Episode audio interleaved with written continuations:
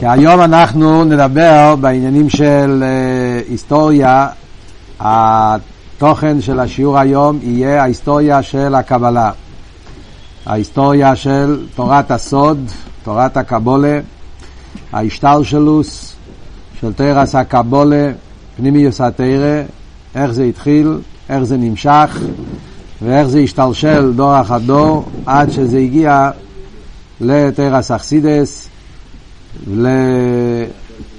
לתורה של פנימיוס התרא כפי שהתגלה בדור, בדורות שלנו, בדורות האחרונים, על ידי הבעל שם טוב, תלמידי הבעל שם טוב, בפרט על ידי אדמו"ר הזוקן, אלתר רבה, ורבי סיינו נשיאנו נשיאי חב"ד, ועד לנשיא דורנו הרבה. כמה שנספיק בשיעור אחד לספר קצת איך התפתח כל העניין של תרס הקבולה, תרס הסוד.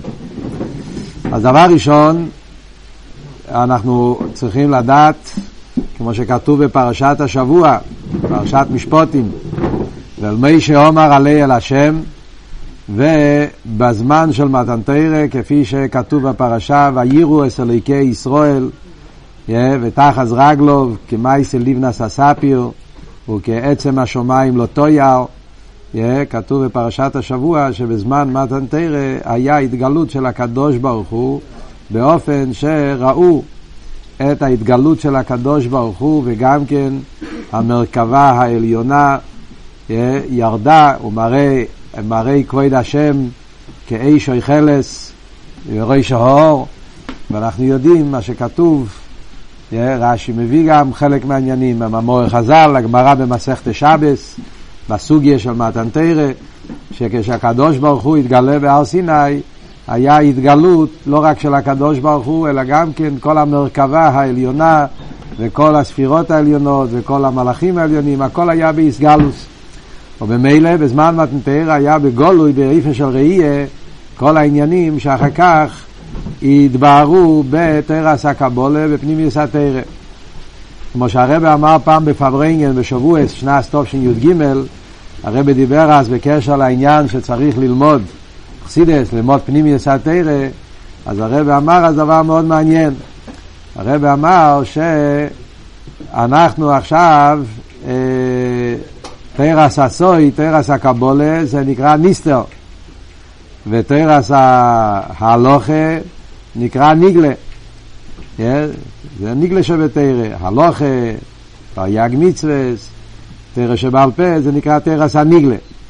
תרס הקבולה נקרא תרס הניסטר. אז הרב אמר דבר מעניין, שבמתן תרא היה הפוך. הניגלה היה בניסטר. כי התרס הניגלה לא היה בגולוי, לא ראו תרא, לא, לא היה, לא במתן תרא לא, כל התרי"ג מצווה לא, לא ניתנו בגולי במתן תרא, רק הסרס הדיברס. כל הפרוטי המצווה היה רק באופן של ניסטר, כמו שכתוב ברש"י, שברמז, בתוך התרי"ג מצווה נמצאים כל ההלוכס, אבל זה לא היה בגילוי. מה שאין כן תרס הניסטר היה בגולוי, כי ראו, בעיני בוסו היה איסגלוס של המרכובה, היה איסגלוס של הקדוש ברוך הוא, אז כל העניינים של תרס הניסטר במתן תרא היה באיסגליה. העניינים של תרס הניגלה היה באסתר. אחרי זה נהיה הפוך. על כל פונים, מה אנחנו יודעים? אנחנו מבינים שבעצם כל העניין של תרס הסויד ותרס הקבולה לא התחדש אה, חס ושלום באיזשהו זמן. זה ניתנה בתרא יחד עם כל התרא כולו, שמשה רבינו נתן בסיני תרא אחס, וזה כלול הכל. אבל מה, כאשר נגמר הזמן של מתן תרא, ואז התחיל העניין של לפרש את התרא, ארבעים שונו, משה רבינו פירש את התרא, אז בגולוי, אז היה עניין של הסויד שבתרא היה באסתר. לא, לא, לא, לא היה זמן עדיין לגלות את זה. ולכן, בזמן שבני ישראל היו במדבור, אז התרא שקיבלו בעיקר, זה היה ניגלת תרא, היה העניין של התרי"ג מצווה, סימפרוטי הלוכס, וזה כל מה שבני ישראל למדו בכלולות במדבור, אבל החלק הסויד, החלק הפנימי, אז בזמן מישר רבינו עדיין לא הגיע הזמן. וככה עבר הרבה שנים. סטרס הניסטר היה בהסתר. כמובן שהיו תמיד אחד בדורי, כמו מישר רבינו בעצמו, שבוודאי משה רבינו בעצמו היה, הוא, הוא היה לו את כל התרא כולו. אז היה לו אצלו כל התרא, גם הגופים של התרא וגם הנשומה של התרא ונשמוסה לנשמוסה, היה אצלו כל הסיידס התרא, אבל בפועל עדיין לא היה הזמן כדי, בני ישראל עדיין לא היו מוכנים כדי שיגלו את זה, יפרסמו את זה. לקח הרבה הרבה שנים עד שהעניין של תרס הסייד יתגלה בעולם. בדרך כלל אנחנו מייחסים את ההסגלו של פנימיס התרא לרב שמעון בר יוחאי. רב שמעון בר יוחאי, כמו שכתוב בכמה מקומות, גם בזויה ובפרט בכיספי אריזל, שרב שמעון בר יוחאי היה לו את הנשומה של מישה רבינו.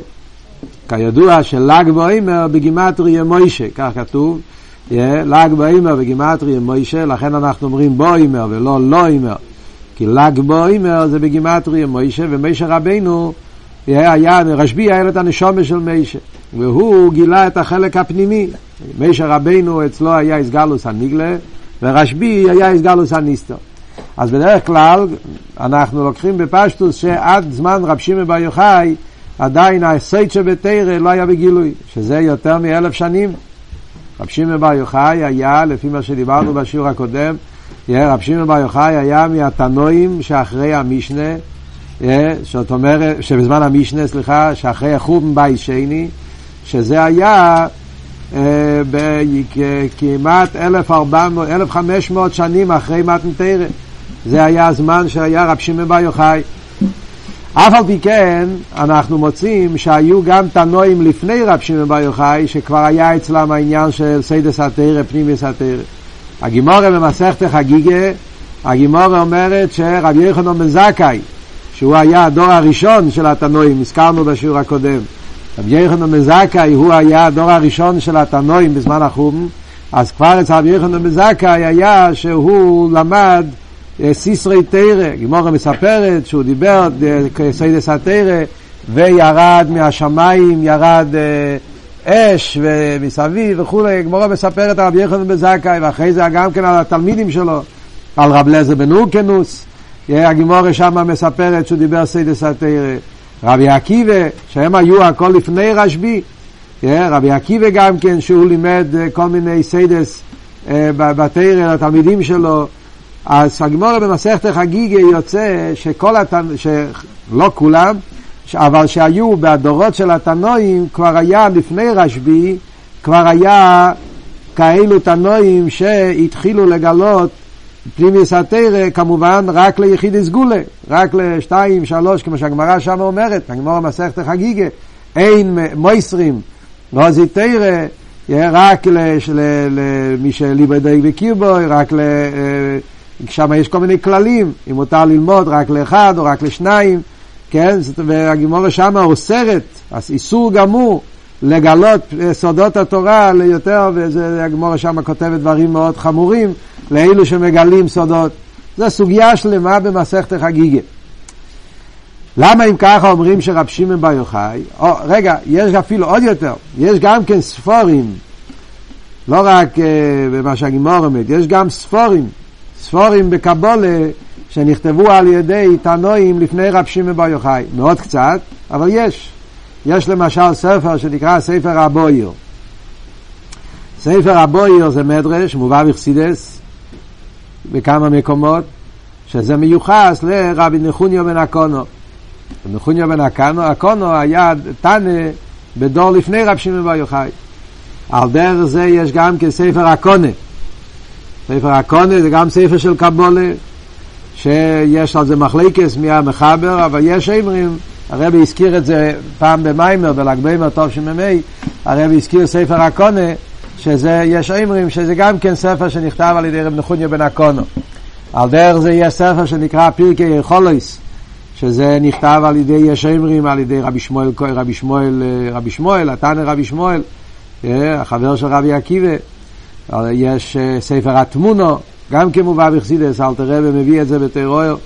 זה כל מיני ספרים קטנים שהם היו ספרים ששם יש כבר כל מיני גילויים של סודות התורה, ענייני קבלה, בקיצור.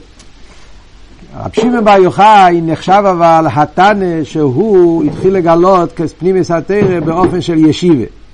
שמעון בר יוחאי היה לו חבורה שנקרא חבריה דרשב"י.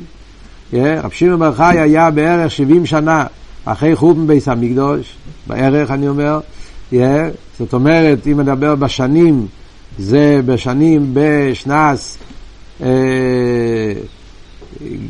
ג' אלופים, אה, תוף תוף קוף, נגיד, באזור ההוא, ג' אלופים תוף תוף קוף, זאת אומרת בערך לפני 1,800 שנים מהזמן שאנחנו נמצאים עכשיו, שאז היה 1800, 1850, זה היה הזמן של רשב"י, והוא, היה לו כבר חבורה, היה לו קבוצה, חברה ידי רשב"י, והם היו ב, באזור של הגליל, היו גרים באזור של הגליל, בצפת, טבריה, מירון, באזורים האלה, בערים האלה, ושם היה קבוצה שהם היו בשדות והיו לומדים באופן, תקי, לא באופן גלוי, אבל הם היו לומדים כבר, רשב"י גילה להם סודות, והיה שם סדר שלם. היה רב אבא, אחד מהתלמידים, שהוא היה כותב את הזוהר, רב שמעון היה מלמד את, את הסודות. היה בזה עניין שלם. רב שמעון בר יוחאי, אנחנו מכירים את הסיפור שלו מהגמרא שבת, שהוא היה במערה 13 שנה, ושם, כשהוא היה במערה, אז היה לו שם איסגלוס של, של אליואנובי וגם של ראי מהמנה, מישר רבינו, ועל יסוד הזה נבנה ספר הזויה. מאוד מעניין מה שהרבא מביא באחד המקומות, בהגויס אלטניה, פרק פרק חובוב בגרס הקדש, שמובא בכמה ספרים שאצל, שבאמת הזויר היה הרבה יותר גדול ממה שיש לנו היום. ככה הרב מביא באחד מהספורים שמביא שבעצם ספר הזויה זה רק חלק קטן מאוד שנשאר בידינו.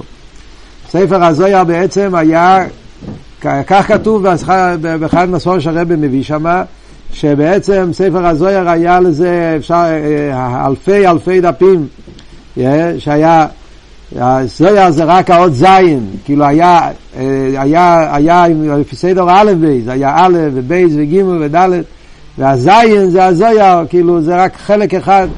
הרב אומר שלא כולם מקבלים את הנכונות של הדבר הזה.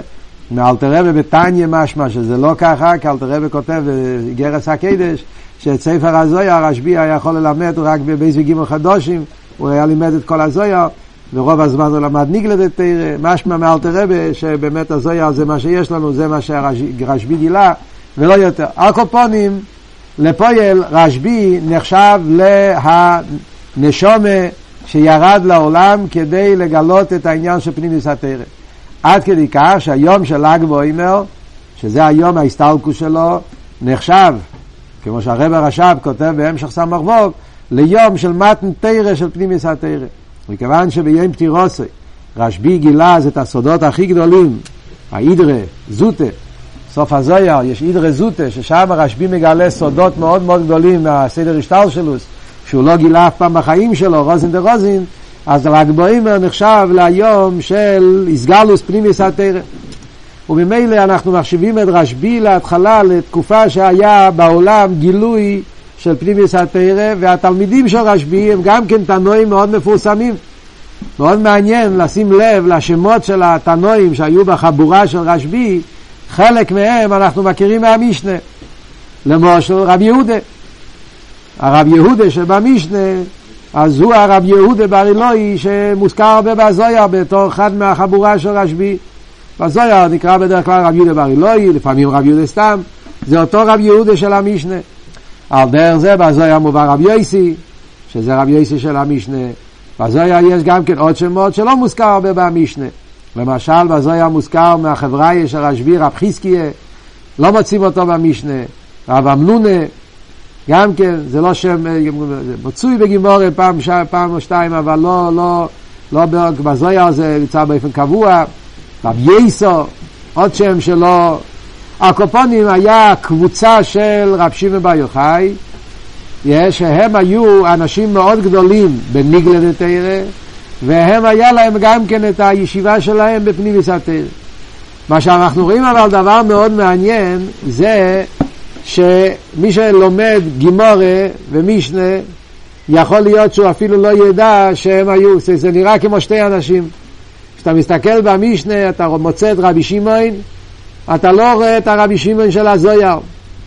עד כדי כך שכל זמן שהזוהר לא היה בהתגלות, אה, היו מאות שנים שהזוהר היה בהסתר, היו המון אנשים שהם לא ידעו על רב שמעון בר יוחאי בתור זה שכל ההפלאה שלו בפנימיות התורה.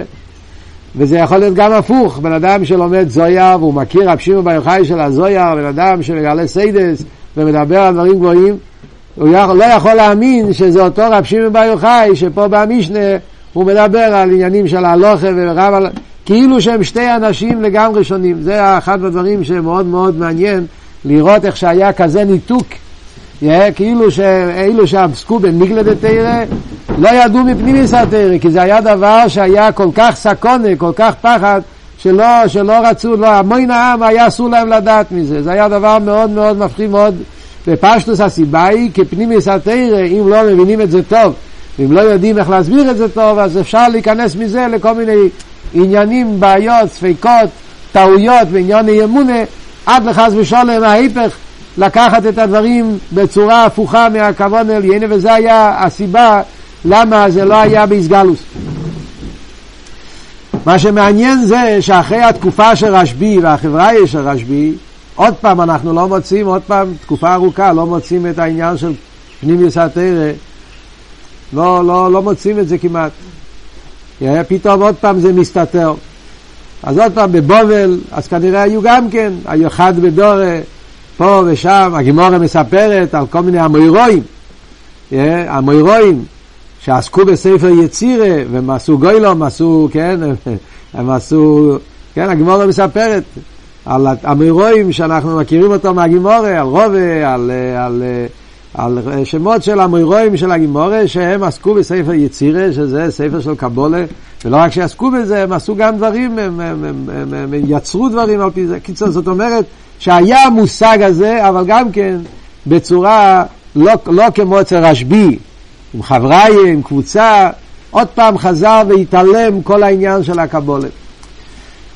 הספר של רשב"י, המדרשים האלה שהזכרנו קודם, לא היו בנמצא. אל תחשבו שזה היה בעולם, פתאום זה נעלם, זה הסתתר, ולא היה בנמצא כל הכסובים האלה של הספרי הכסובים של רב שמעון בר חי, זה היה באופן שלא ידוע בדיוק היום את ההיסטוריה, בדיוק מי החזיק את זה, איפה זה היה, כאילו דברים מאוד שמימיים, איפה זה נעלם ואיך זה התגלה. אבל לפייל, מאות שנים אחרי רב שמעון בר חי, לא היה בכלל ידוע בעולם שקיים כזה דבר שנקרא ספר הזויה. לא היה ידוע בעולם כל מיני ספרים של קבולה, לא היה, לא היה. מתי עוד פעם התחיל להתנוצץ, לצאת, להתגלות העניין של תרס הקבולה? אז בדרך כלל אומרים, מביאים שבסוף תקופת הגאונים, זאת אומרת, אם נגיד את זה אה, במספרים של שנים, בערך בשנס ד' אלופים תש, לפני אלף שנה, אלף ומאה שנה, זה היה סוף זמן הגאונים. פתאום אנחנו מתחילים למצוא ניצוצות מאוד מאוד קטנות של קבולה. לדוגמה רב היי גויין, אחד מהגאונים האחרונים של תקופת הגאונים, שחי לפני, לפני הרמב"ם, לפני הריף, לפני רש"י, מאה שנה בערך לפני לפניהם, סוף תקופת הגאונים. אז היה יהודי שקראו לו רב היי גויין, רב היי גויין הוא מגדלי הגאונים בסוף תקופת הגאונים, אז יש כמה וכמה עניוני קבולה שהוא מגלה. יש למשל אה, תשובס רב היי גויין שמובא גם במימורים. שואלו תלמידוב אז רב היי גויין. עשור שמענו, שלוש עשרה לא שמענו. ככה כתוב שם. שמענו שיש עניין של עשר, אבל אנחנו לא יודעים מה זה שלוש עשרה. זאת אומרת, רצו להבין למה יש שלוש עשרה מידס הרחמים. מה זה המספר י"ג? הם יודעים שיש עשר ספירס, אבל הם לא יודעים מה המספר 13. אז כתוב שם שרבי גויין ענה להם שזה שיש עשר ספירס ויש עשר ראשי ראשים. אז זה, אנחנו וכסילס וממורים יש על זה ביורים שלמים. מה זה העניין הזה של ראשי ראשים, מה זה ה-13, מה המספר הזה, יש על זה ביורים.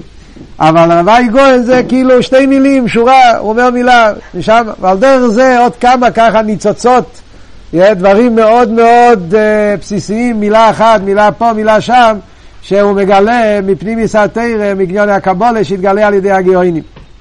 זה היה אצל, זה היה בזמן הגאונים. מתי אנחנו מוצאים כבר יותר פרוטים, יותר פרוטים בעניין, אנחנו מוצאים אצל, אה, בעיקרון אנחנו מוצאים יותר פרוטים אצל, אה, אחרי זמן הגאונים. למשל, אחרי הגאונים, אצל הראשונים, אנחנו כבר מתחילים למצוא יותר התפתחות הקבולה, ואז היה תקופה, בזמן הראשונים, היה תקופה שהתחיל התגלות חדשה של קבולה. זה התחיל בעיקר בצרפת, בהתחלה, yeah, ומצרפת זה עבר לספרד. Uh, באותה תקופה, אני מדבר בזמן הרמב"ם, באזור ההוא, לפני 900 שנה בערך, היה, התחיל עוד פעם להתנוצץ ערש של הקבולה. אחד מהגדולים המאוד מפורסמים זה הרייבד, הרייבד על הרמב"ם. ידוע שהוא היה מקובל מאוד גדול, הוא מביא אפילו בסר, ברמב"ם עצמו, באגויס, באסוגס הרייבד, הוא מביא ש... הופיע רוח הקודש בבייס מדרושנו, הוא מביא את זה באחד מהמקומות אה, ברמב"ם. וידוע שהרייבד, אה, הוא חיבר גם כן פירוש על ספר יצירה, שם הוא עוד פעם התחיל להתפרסם עניין הקבולה. אה? הרייבד, הוא היה גר ב... הרייבד היה גר ב... נראה לי שהוא היה גר בצרפת, באיזשהו אזור שם, אני לא יודע בדיוק. אה, מחפש. הקופונים. אה, רב יהודה החוסיד. מי היה רב יהודה החוסיד? ספר החסידים. רב יהודה החוסיד היה חכמי אשכנז. זה היה גם כן באותה תקופה, קצת אחרי זה, רבי יהודה החוסיד, הוא היה מה...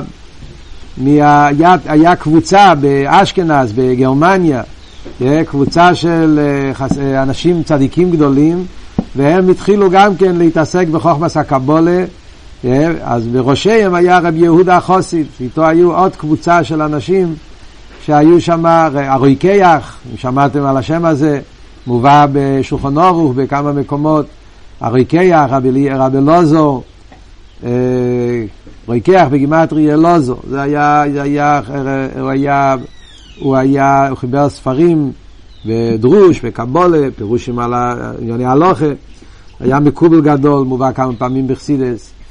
אז בתקופה ההיא התחיל העניין הזה של קבולה עוד פעם להתעורר לתחייה.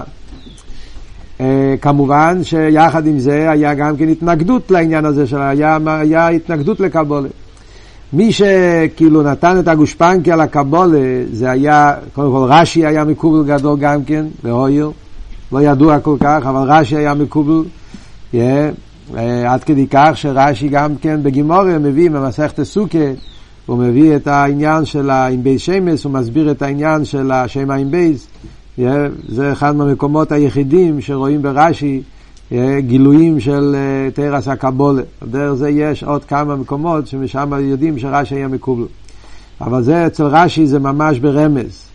בניגיע לרמב"ן, שם כבר רואים בגולוי. הרמב"ן הוא כבר, אה, הוא כבר מפרסם את העניין של הקבולה ממש. הפירוש הרמב"ן על החומש מלא עם קבולה. כמעט כל עניין שבחומש הרמב"ן אומר ועל פי הקבולה, והוא אומר, אה, והוא אומר אה, על פי הקבולה, על פי הסוד, והוא אומר ביור ומפרש את העניינים על פי הקבולה. אמ, אה, מה שמעניין זה על הרמב"ם. בקשר לרמב"ם, אנחנו יודעים שבגולוי הרמב"ם לא היה שייך לקבולה, עד כדי כך שהקבלה, מה שהעולם הרגיל אומרים שהרמב"ם בכלל לא ידע קבולה. הרמב"ם היה, אצלו היה עניין של חקירה, אדרבה, הוא לא היה מקובל, והיה, אה, אה, ולא ידע קבולה. אף על פי כן, מובא בספורים, הרב מביא, מה שמובא בספורים, ספר של שלס הקבולה, שבסייף יומו הרמב"ם למד קבולה. אה, סייף יומו. ואפילו אמר שאם הוא היה לומד קבולה קודם, אז היה הרבה דברים שהיה משנה. יש כזה, יש כזה, יש כזה ש, ש, שיטה, שבסייף יומו הוא גילה את הקבולה. אצל חסידים מקובל מהבר שם טוב, בשם המהר"ל מפראג אני חושב, שהרמב"ם כן היה מקובל גדול, ובש... אבל בגלל שסקונש היה בדוירו לגלות את הקבולה, אז לכן הוא לגמרי לא, לא דיבר על זה.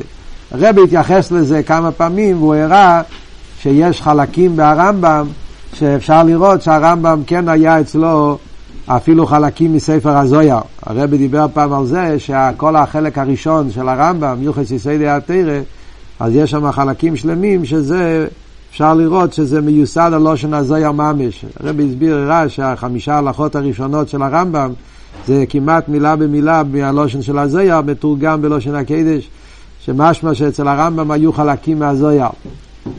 עוד דוגמה הרבי הביא פעם על העניין של 40 שערות. שהרמב"ם כותב שהפייס צריך שיהיה לכל הפחות 40 שערות, אין לזה מוקר בניגלה, המוקר זה מקבולה גם כן. ועל דרך זה כמה מקומות ברמב"ם שאפשר לראות שכן הרמב"ם ידע, ידע דברים מסוימים, היה אצלו מתרס הזויה מתרס הקבולה. אבל לפייל זה דבר מעניין. בגולוי והרמב"ם אנחנו רואים שאצלו היה דווקא, לא הקבולה, היה חקירה. וזה היה שהתחיל בדור ההוא, התחיל סיפור שלם. בדור ההוא שאנחנו מדברים פה עכשיו, בערך לפני אלף שנה, לפני תשע מאות שנה, אז מצד אחד היו כמה מגדי לישראל שהם אה, התחילו לגלות ברמזים טיפות טיפות של קבולה, אבל יחד עם זה, באותו תקופה, באותו דור, התחיל מאוד חזק העניין של חקירה, פילוסופיה. והפילוסופיה התפרסם יותר, וזה לקח את ה... מה שקוראים לקח את הבמה, זה נהיה... הגדולי לישראל שהיו באותו דור, כמו הרמב"ם בעצמו, כתב את המרי נבוכים. לפני זה היה רב סעדיה גוהן, היה כמה שנים לפני הרמב"ם, הוא כתב גם כן ספרים בצורה של uh, פילוסופיה. רב יהודה הלוי, כן, שהוא כתב את הספר הכוזרי, ועל דרך זה, אז היה אז, היהודים שגרו בספרד ובצרפת, אז התפרסם יותר העניין של לימוד הפילוסופיה. זאת אומרת, שזה היה בעצם ההפך של הקבולה. קבולה היה יותר קדוש, יותר אלוקי, ספירס, עניינים נעלים, yeah, מה שאין כפילוסופיה היה יותר שכלי. על פי סייכל, מחקר, השתמשו גם כן עם חוכמה סומי אילום, להוכיח על הקדוש ברוך הוא. זה היה שיטה אחרת לגמרי, וזה היה יותר מפורסם, ובגלל זה הקבולה הלך קצת לצד. עד שהיה תקופה מאוד גדולה, שהיה עד כדי כך היה כאילו פחד ללמוד קבולה, והיה נגד, ויצאו דברים, היה, הלוך וחזור. בזכות הרמב"ן, ואחר כך בזכות הרשב"ו, שהם היו המנהיגים של העם היהודי באותו דור, בזמן של עם ישראל גרו בעיקר בספרד, אז הרמב"ן היה בספרד, הרשב"א היה בספרד, והם היו מקובולים. אז הם אה, כן אה, אה, קידשו את ארס הקבולה, זאת אומרת, הם, הם, הם עשו בטוח ש, שישמרו על תרס הקבולה, ולאידוך גיסא, לאט לאט התחילו להוריד את החשיבות של הפילוסופיה של תרס המחקר. הרשב"א מאוד, כידוע, בתשובס הרשב"א, יש על זה איכות גדולה. להיזהר מלימוד הפילוסופיה, כי נהיה כבר מדי הרבה, התחילו להיכנס לכל מיני עניינים שכבר היה אה, על גבול להתערב עם חוכמס ומישראלום וכולי, אז ממילא יצא אז שצריכים להיזהר מלימוד המחקר. יש תשובס הרשב"א הידוע שמובא הרבה פעמים בחסידס, נמנע נמנועס. Yeah, זה הרשב"א כתב בקשר לנגד המחקר, כי הספרי מחקר טענו שיש נמנועס, יש דברים שהקדוש ברוך הוא לא יכול לעשות חס ושולם, וזה היה רשב"ו כתב שחס ושולם להגיד כזה דבר, הקדוש ברוך הוא נמנע נמנועס. על קופונים, אז היה התקופה שהיה בעד ונגד, ולקח כמה וכמה שנים טובות, שלאט לאט החלק החקירה, פילוסופיה, ירד, ירד, ירד, ואז לאט לאט גם כן תרס הקבולה התחיל להתרומם, לעלות יותר ויותר. הזמן ש... אבל זה לקח כמה מאות שנים, כי בזמן שאנחנו מדברים, בזמן שלפני 900 שנה, זה היה רק קבוצות קטנות מאוד במקומות, כמו שאמרנו.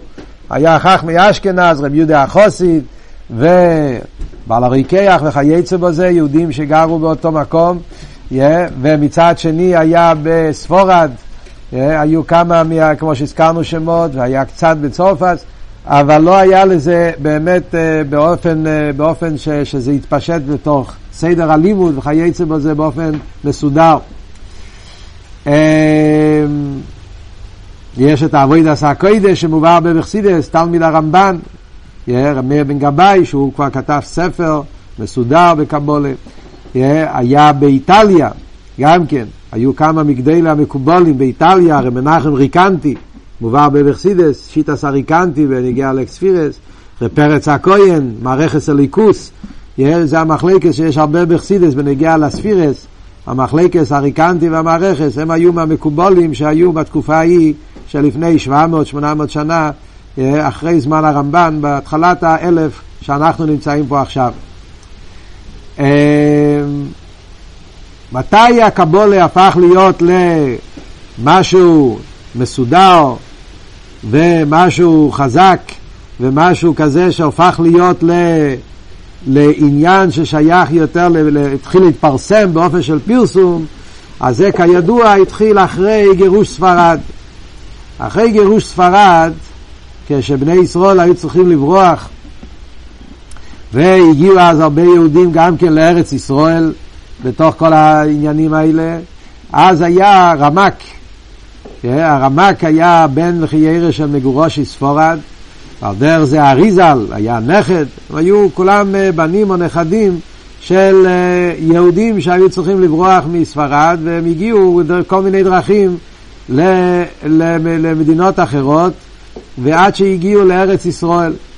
הרמק היה גר בצפת בשנת, אה, בערך בשנת שין, זאת אומרת לפני 400, לפני 480 שנה מהזמן שאנחנו נמצאים עכשיו. אז הרמ"א קראו לו מוישה קורדוביירו, לא יודעים בדיוק איפה הוא נולד, מאיפה הוא הגיע, אבל השם מוישה קורדוביירו, משמע שהוא היה, כן, מקורדובה, שבספרד, משם הגיע המקור שלו. כן, פשטוס, או אבא שלו, או סבא שלו, היו משם, והוא אה, כבר הגיע, הוא היה כבר בארץ ישראל. אז הוא היה, הרמ"ק היה הראשון שעשה ישיבה של קבולה. כאילו, הוא התחיל להבין שצריכים הכל בתור הקדומה, אחרי החום, אחרי הצורש של גירוש ספורד, היה, היה זה העניין שמגיעים לזמן של איקווס דמשיחה. וצריכים כבר להגיד מה שכתוב בזויר, שיגיע הזמן של, שלפני ביאס משיח התפרסם עוד פעם התרא של רשב"י. אז הזויר יצא לעולם לפני 700 שנה בערך. זאת אומרת, ספר הזויר התגלה בהתחלת האלף הזה שאנחנו נמצאים פה עכשיו. קצת אחרי הרמב"ן, בתקופות שדיברנו קודם, לפני 700 שנה בערך, היה יהודי, קראו לו רב דיליאון, רב משה דיליאון נראה לי, אה, הוא מצא את הזויה והוא אה, פרסם את זה.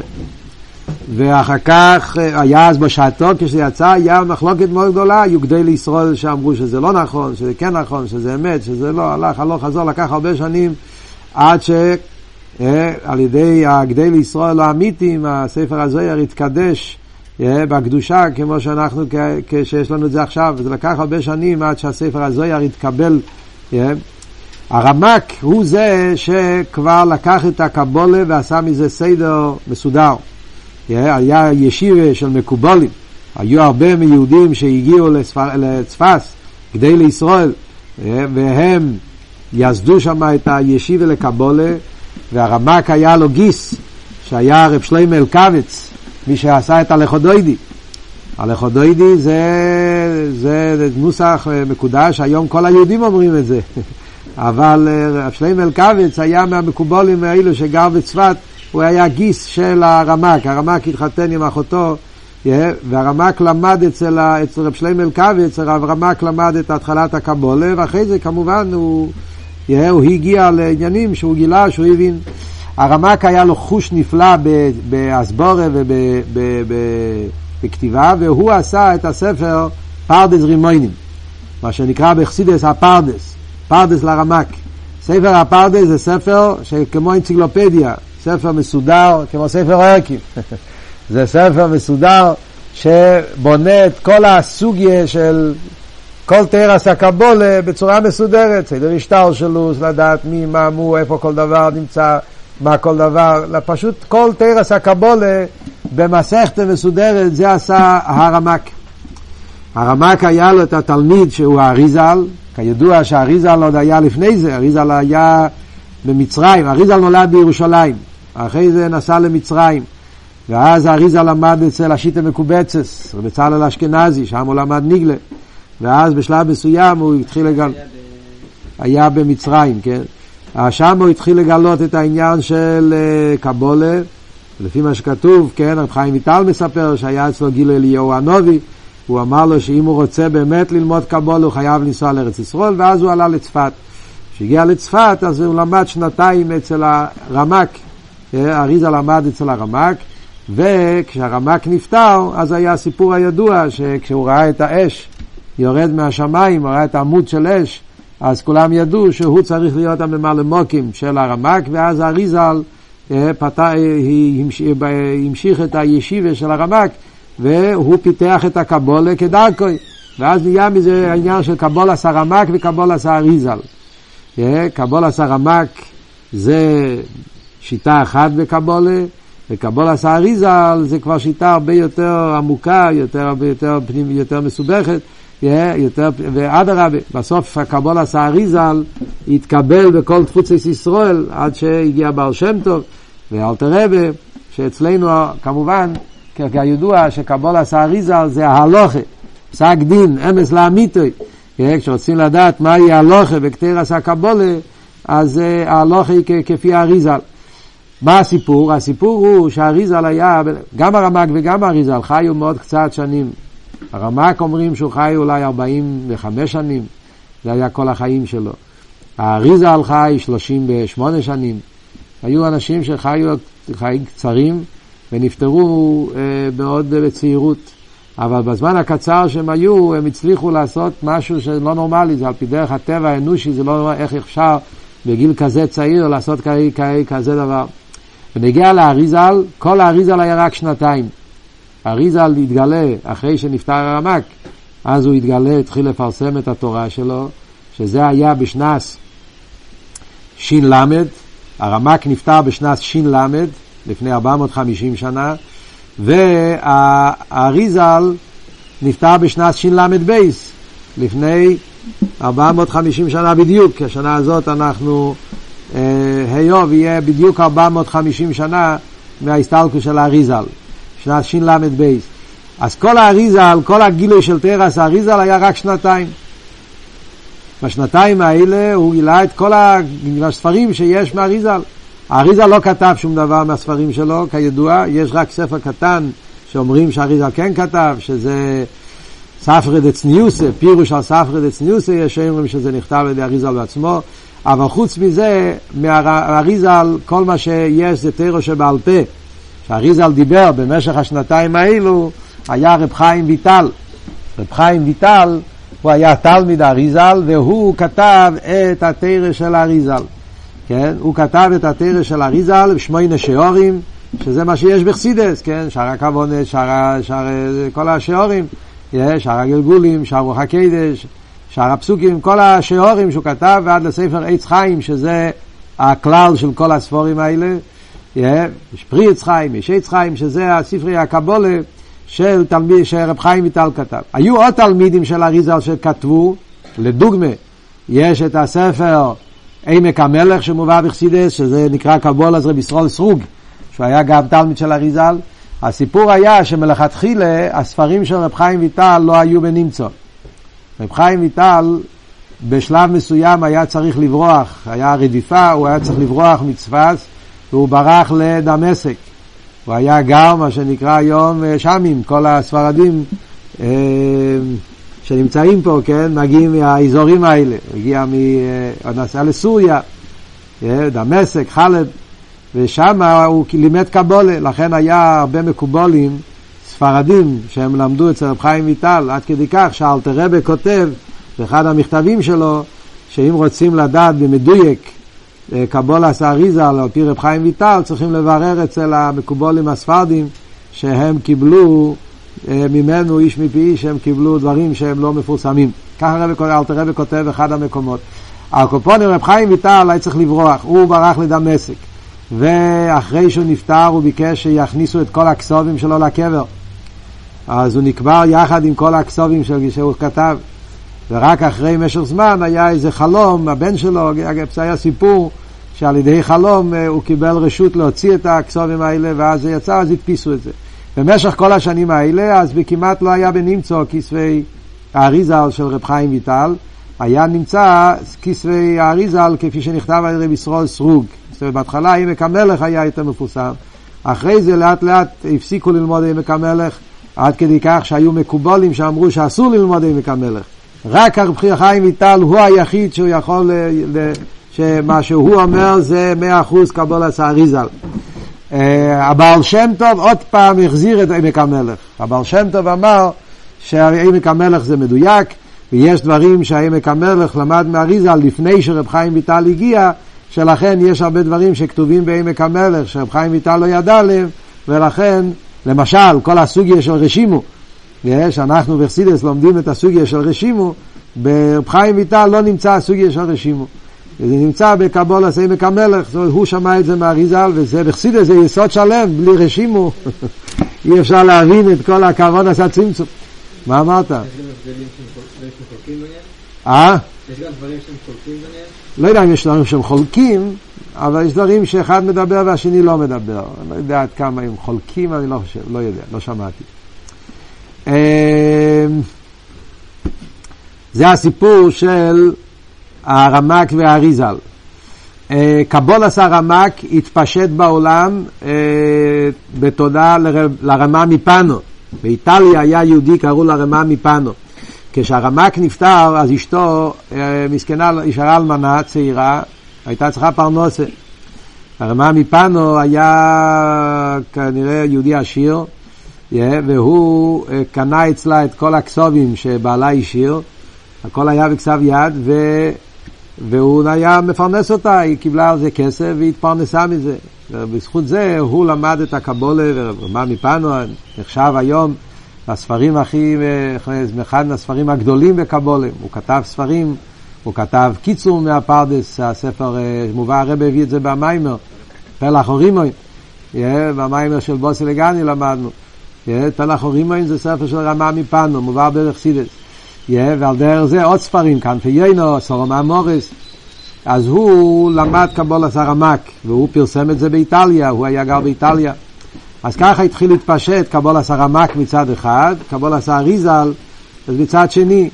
היה שלו הקודש, שהוא היה גר בפראג, היה מהר"ל מפראג, המהר"ל מפראג היה לפני האריזל, הוא גר, חי בזמן האריזל, אבל היה יותר מבוגר מהאריזל. הוא נולד לפני האריזל, נפטר אחרי האריזל. אבל uh, הרמק בפשטוס, uh, המהר"ל מפראג לא, לא למד קבול עשה אריזל. הוא גם חולק עליו, קופונים היה לפני, אבל, uh, אבל אחרי זה יש לנו תלמידי המהר"ל, שזה הטייסוס יונטב, טייסוס יונטב על המשנה, הוא היה מתלמידי המהר"ל, אז הוא כבר גם, אצלו כבר התחיל, אז כבר התחיל העניין של קבולס הרמק, קבולס האריזה להתפרסם באירופה. התלמיד של הטייסס יונטב היה בעל שם, לא הבעל שם טוב, רב אליהו בעל שם, הבעל שם הראשון. רב אליהו בעל שם, הוא יסד ישיבה של קבולה באירופה. אז התחיל העניין של קבולה בתור ישיבה גם באירופה. בהתחלה זה היה קבולה סרמק, ולאט לאט נכנס גם קבולה סאריזל, היה בזה אה, סיפור שלם, כמו שפרידיקי רבי מספר בספר הזכריינס. אה, אז התחילה הקבולה להתפשט באירופה על ידי, כמו שאמרנו, האנשים האלה, רב ליאור בר שם, רב יעל בר שם, רב אודום בר שם, עד שהגענו לבעל שם טוב. הבעל שם טוב קיבל עם אחי השילוני, כידוע, פרידיקי רבה באטומי מספר אריכוס שלמה איך הבעל שם טוב קיבל מאחי השילוני, אבל זה קבלה שמימית, אבל חוץ מזה הוא קיבל מרב אודם בעל שם, שרב אודם בעל שם קיבל מרב יואל בעל שם, ורב יואל בעל שם מרב אליהו בעל שם, ורב אליהו בעל שם היה תלמיד של הטייסס יונטב, שהם היו תלמידים של המהר"ל מפראג, שם זה ההתפתחות של הקבולה, איך שזה הגיע. יחד עם זה, אז הם למדו באותם שנים, התחילו להתפרסם קבולה סרמק, ואחרי זה קבולה סאריזל, וככה השלוע הקודש, שהוא הביא את קבולה סאריזל ב...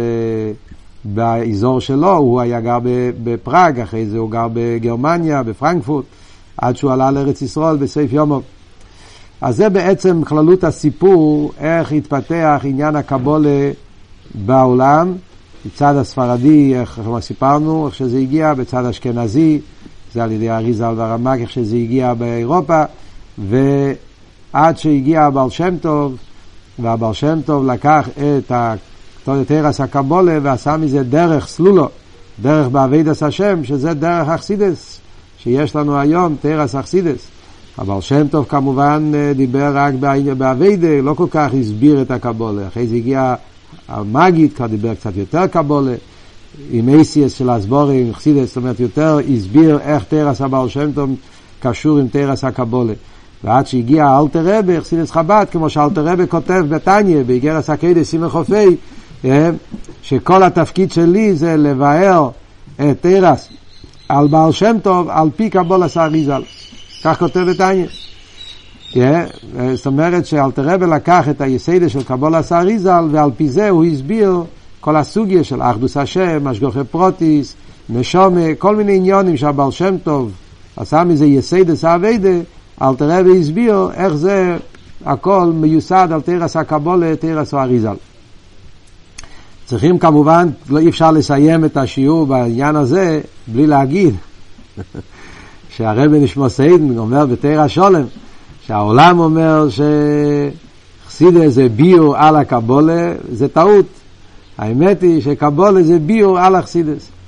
Yeah, זה נשמע כזה ווארט, פצצה כזאת, הם באים להגיד פתאום, פתאום, איך, איך אתה אומר, קבלה זה ביאור על חסידות, הרי קבלה היה לפני זה, חסידות הגיע לבאר קבלה, אף על פי כן, רבי נשמתו עדן אין לו פחד להגיד את זה, שקבלה זה ביאור על חסידות. מה הפשט בזה? אז יש בקונטרס עניינה של תורת החסידות, יש מזה ביאור מהרבי, הרבה מסביר מה הפשט שחסידס זה לא ביור על הקבולה, אלא אדרבה, קבולה זה ביור על חסידס, זה קשור עם כל העניין שקבולה זה חלק הסויד, זה קשור למדרגה הרביעית כנגד אילו מאצילס, מה שאין כחסידס זה חלק היחידה. הדרגה החמישית, ובמילא, אם זה הדרגה החמישית, אז, אז אי אפשר להיות שזה יהיה פירוש, אדרבה, זה העצם, והכל זה ביור, חסידה זה בעצם תירוסי של משיח, שמסביר את העניינים, קבלה מבאר איך זה בגופא דמלכא, בקיצור יש שם הערה של הרבי שמבאר את העניין.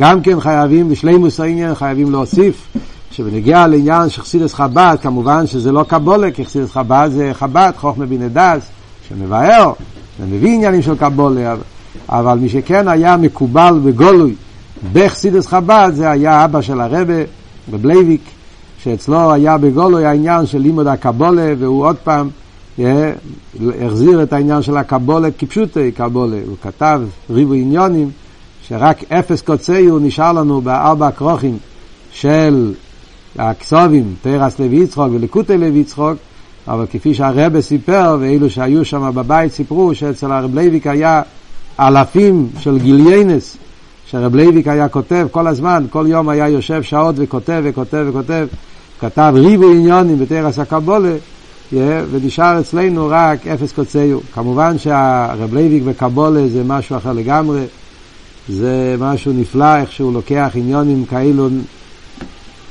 עמוקים של קבלה, ועל פי זה הוא מבאר סוגיות שלמות בש"ס, בהלכה, בגמרא, חיבור מאוד מאוד מעניין ומאוד עמוק בין, אה, בין אה, נגלה, חסידות וקבלה בסגנון של רב לוי'ק. כל פנים, שקדוש ברוך הוא יעזור, שנזכה כבר לתורה חדשה, פנימיות התורה, תורתו של משיח, שיתגלה במהרה בימינו.